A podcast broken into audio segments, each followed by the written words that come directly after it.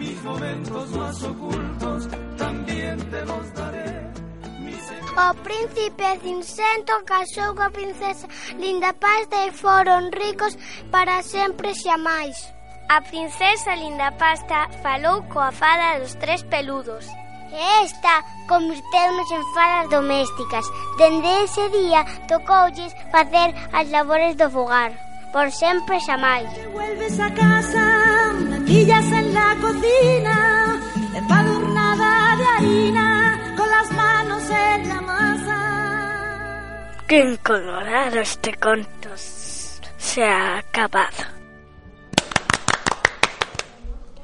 Eh, después de escuchar esta versión sobre el cuento clásico y tradicional de Cenicienta, bueno, lo primero me vais a disculpar, felicitar a todos los niños que han participado en esta locución, darles la enhorabuena porque lo han hecho realmente genial.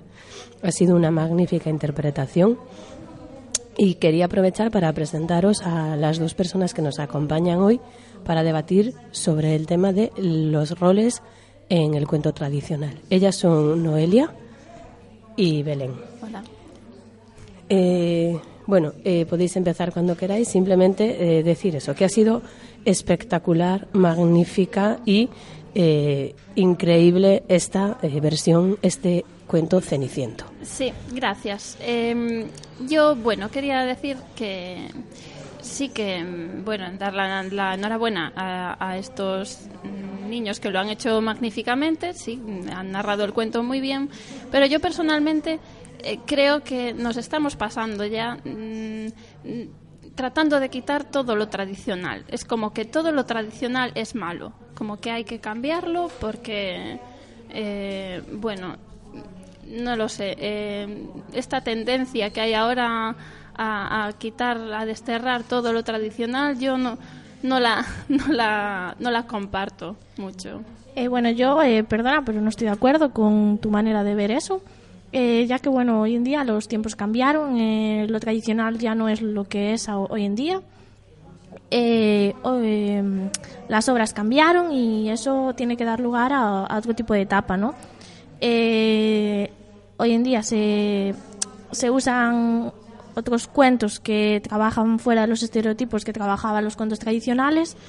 Eh, y eso, eh, ya que los personajes de los cuentos tradicionales eh, tienen personajes con los que con los cuales los niños no se sienten identificados, ¿no? Y al final tú no vas a ver nunca una princesa pues con minusvalía, por ejemplo, y sin embargo yo creo que todos los niños y todas las niñas tienen que poder trabajar en base a eso.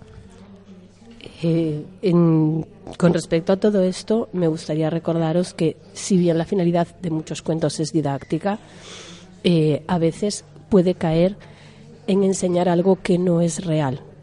Hace unos estereotipos de género que no se van a corresponder con la realidad, como muy bien decía Noelia. Y por otra parte, también te entiendo a ti, Belén, cuando dices que hay que mantener tradiciones, pero si nos ponemos a mantener tradiciones y nos vamos un poquito más atrás en la historia, yo no sé cómo explicarle a un niño ciertos mitos griegos donde una mujer se transforma en una sirena, por ejemplo. Bueno, eh, yo creo que eh, si nos podemos hablar de, de la educación de los niños, eh, precisamente en este tema, eh, nos estamos, lo que estamos haciendo eh, es, mm, yo creo que sobreproteger a, a, a los niños y enseñarles a no tolerar la frustración. ¿Por qué nos encontramos ahora, hoy en día, tan a menudo con tantos casos de hiperactividad? Porque no se les enseña a los niños a tolerar la, la frustración. Perdona. Todo, todo, es, todo se les da masticado, todo se les da, todo es, ay, cambiarlo porque esto le puede hacer Em. daño, porque, ay, mm, porque el lobo de caperucita se come a, Eh, a la perdona, abuela. perdona. Pero bueno, eh, creo que bueno, no entiendes bien la finalidad de los cuentos. Eh, los cuentos pueden trabajar eh, otra clase de cosas, ¿no? Eh, los cuentos te pueden ayudar a trabajar la hiperactividad. De hecho, está demostrado. Hay muchísimos estudios que trabajan en base a eso. eh, los niños con hiperactividad, los niños con autismo eh, y bueno y otros y otras diversidades varias, eh, pues trabajan en base a eso y de hecho les produce un gran interés. Sí, pero no, no me estoy refiriendo a eso. Yo me estoy. Quiero. A ver, que se me entienda. Me, me refiero a que está, tenemos un cuento, por ejemplo, el, el de Cenicienta. Tenemos un cuento en, en el que bueno, se narra una historia, Cenicienta eh, se ocupa mucho de las tareas domésticas y ahora hemos cambiado el cuento a Ceniciento y es, Ceniciento se ocupa de las tareas domésticas y este tipo de cosas. el cuento está cambiado, adaptado a hoy en día, feminismo, temas muy en auge.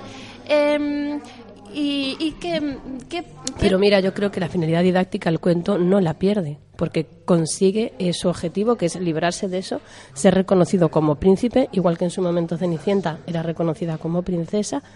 Consigue además que el hada castigue a sus hermanos peludos, convirtiéndolos en unos seres que se dedican precisamente a la limpieza doméstica con lo cual, la didáctica del cuento, desde luego, está presente, no se ha perdido. sí, la, didáctica del juego está presente. El cuento lo encuentro estupendo en ambas versiones, pero el cuento tradicional es, es el cuento de Cenicienta y es el cuento que hay. Podemos crear un cuento con los valores que transmite el cuento de Cenicienta, pero es un cuento creado de cero. ¿Para qué crear un nuevo cuento? O sea, cambiarle el cuento, cambiarle el, el final a una historia cambiarle el, el final a, a, esta historia eh, para, para tratar de, de, enseñarnos valores, pues crea un nuevo cuento que, eh, enseñes esos valores. Eh, creo que la sociedad cambia, ¿no? y claro, eh, hay que cambiar los cuentos también. O sea, al final hay que dejar de poner a la niña como la princesa, el príncipe como su salvador, eh, la pobre víctima princesa, ¿no? Yo creo que ahora las mujeres eh, se han empoderado. Y, y, eso. Y bueno, y creo que eso es un debate que podemos seguir para otro día, ¿no? Pues muchísimas gracias a todas por vuestra participación y bueno, os esperamos en nuestro próximo programa. Un placer, gracias. Gracias.